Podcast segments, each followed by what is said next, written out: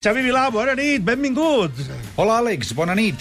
La seqüela de la cinta Insurgent, que arriba aquest cap de setmana a la cartellera nord-americana, ja ha recaptat més de 4 milions de dòlars en l'estrena dijous a la nit i es situa en el camí dels 60 milions per encapçalar el rànquing de recaptació.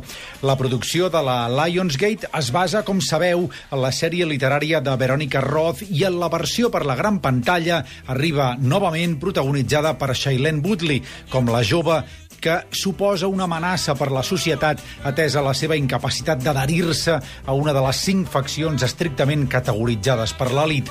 El fet que aquesta seqüela arribi en 3D n'augmentarà els ingressos en taquilla, un element a tenir en compte, la veritat, si pensem que la producció ha costat 110 milions de dòlars que, òbviament, la productora busca rescabalar.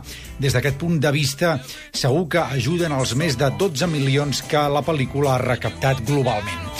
L'altra estrena destacada del cap de setmana aquí ens fa parlar de The Gunman, el lamentable thriller dirigit per Pierre Morel, on Sean Penn interpreta un agent internacional perseguit arreu d'Europa, també per Barcelona, per l'organització que li dona feina i que el vol retirar. Penn treu suc de la seva musculatura i del duel interpretatiu amb el Javier Bardem que li pispa la companya sentimental, però cal dir que la cinta fracassa en l'intent de traslladar empatia davant les angúnies dels autòctons de la República Democràtica del Congo. Tan fluixa és la proposta que està amenaçada de veure superada en recaptació per l'última pel·lícula religiosa que ens arriba aquí, Do You Believe, que aprofitarà, òbviament, la tirada dels dies previs a Setmana Santa. I mentre s'espera que Cinderella mantingui un bon comportament en taquilla, al planeta televisió, la irrupció del bàsquet universitari altera la graella i els programes més vistos en plena conversa sobre els proveïdors del futur. Amb Sling TV a punt d'arribar i la possibilitat de fer una tria de 100 de continguts per només 20 dòlars al mes, les grans cadenes tradicionals i els seus antiquats sistemes de distribució afronten un repte que s'afegeix al de proveïdors com Netflix, que ha tingut un retorn menor del que esperaven per la tercera temporada d'un dels seus productes estrella, House of Cards.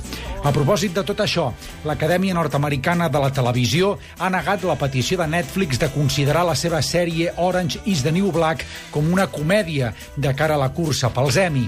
La producció haurà de competir com a producte dramàtic. Netflix volia esquivar amb la proposta la nova regla de l'Acadèmia que determina que les produccions de mitja hora seran considerades comèdia amb independència del seu contingut, mentre que els productes d'una hora seran drames.